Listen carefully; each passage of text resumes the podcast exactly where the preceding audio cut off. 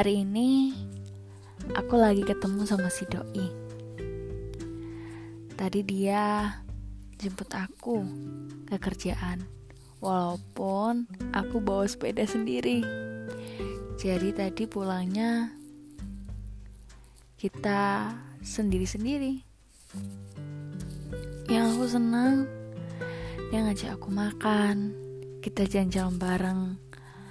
Walaupun kita sering sering ketemu, sering video call.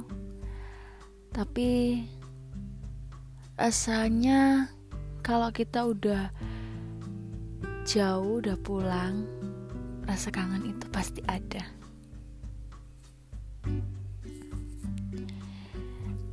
Yang aku suka dari dia, ia benar-benar melakukan tanggung jawab. Contohnya, dia gak pernah telat kalau menjemput aku. Dia sering minta maaf kalau dia lagi merasa salah tanpa harus ditegur. Dan aku rasa dia spesial banget buat aku. Dan aku yakin bahwa dia jodoh yang Tuhan kirim buat aku.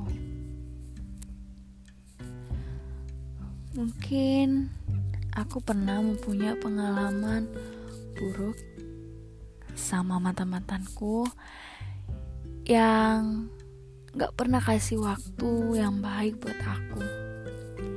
Kalau berantem, harus aku yang minta maaf.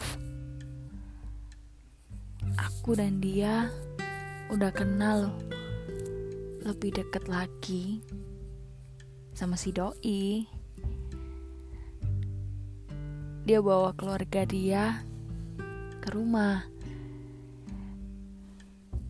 Dan aku rasa aku senang banget bahwa aku bisa kenal dengan cowok yang baik seperti ini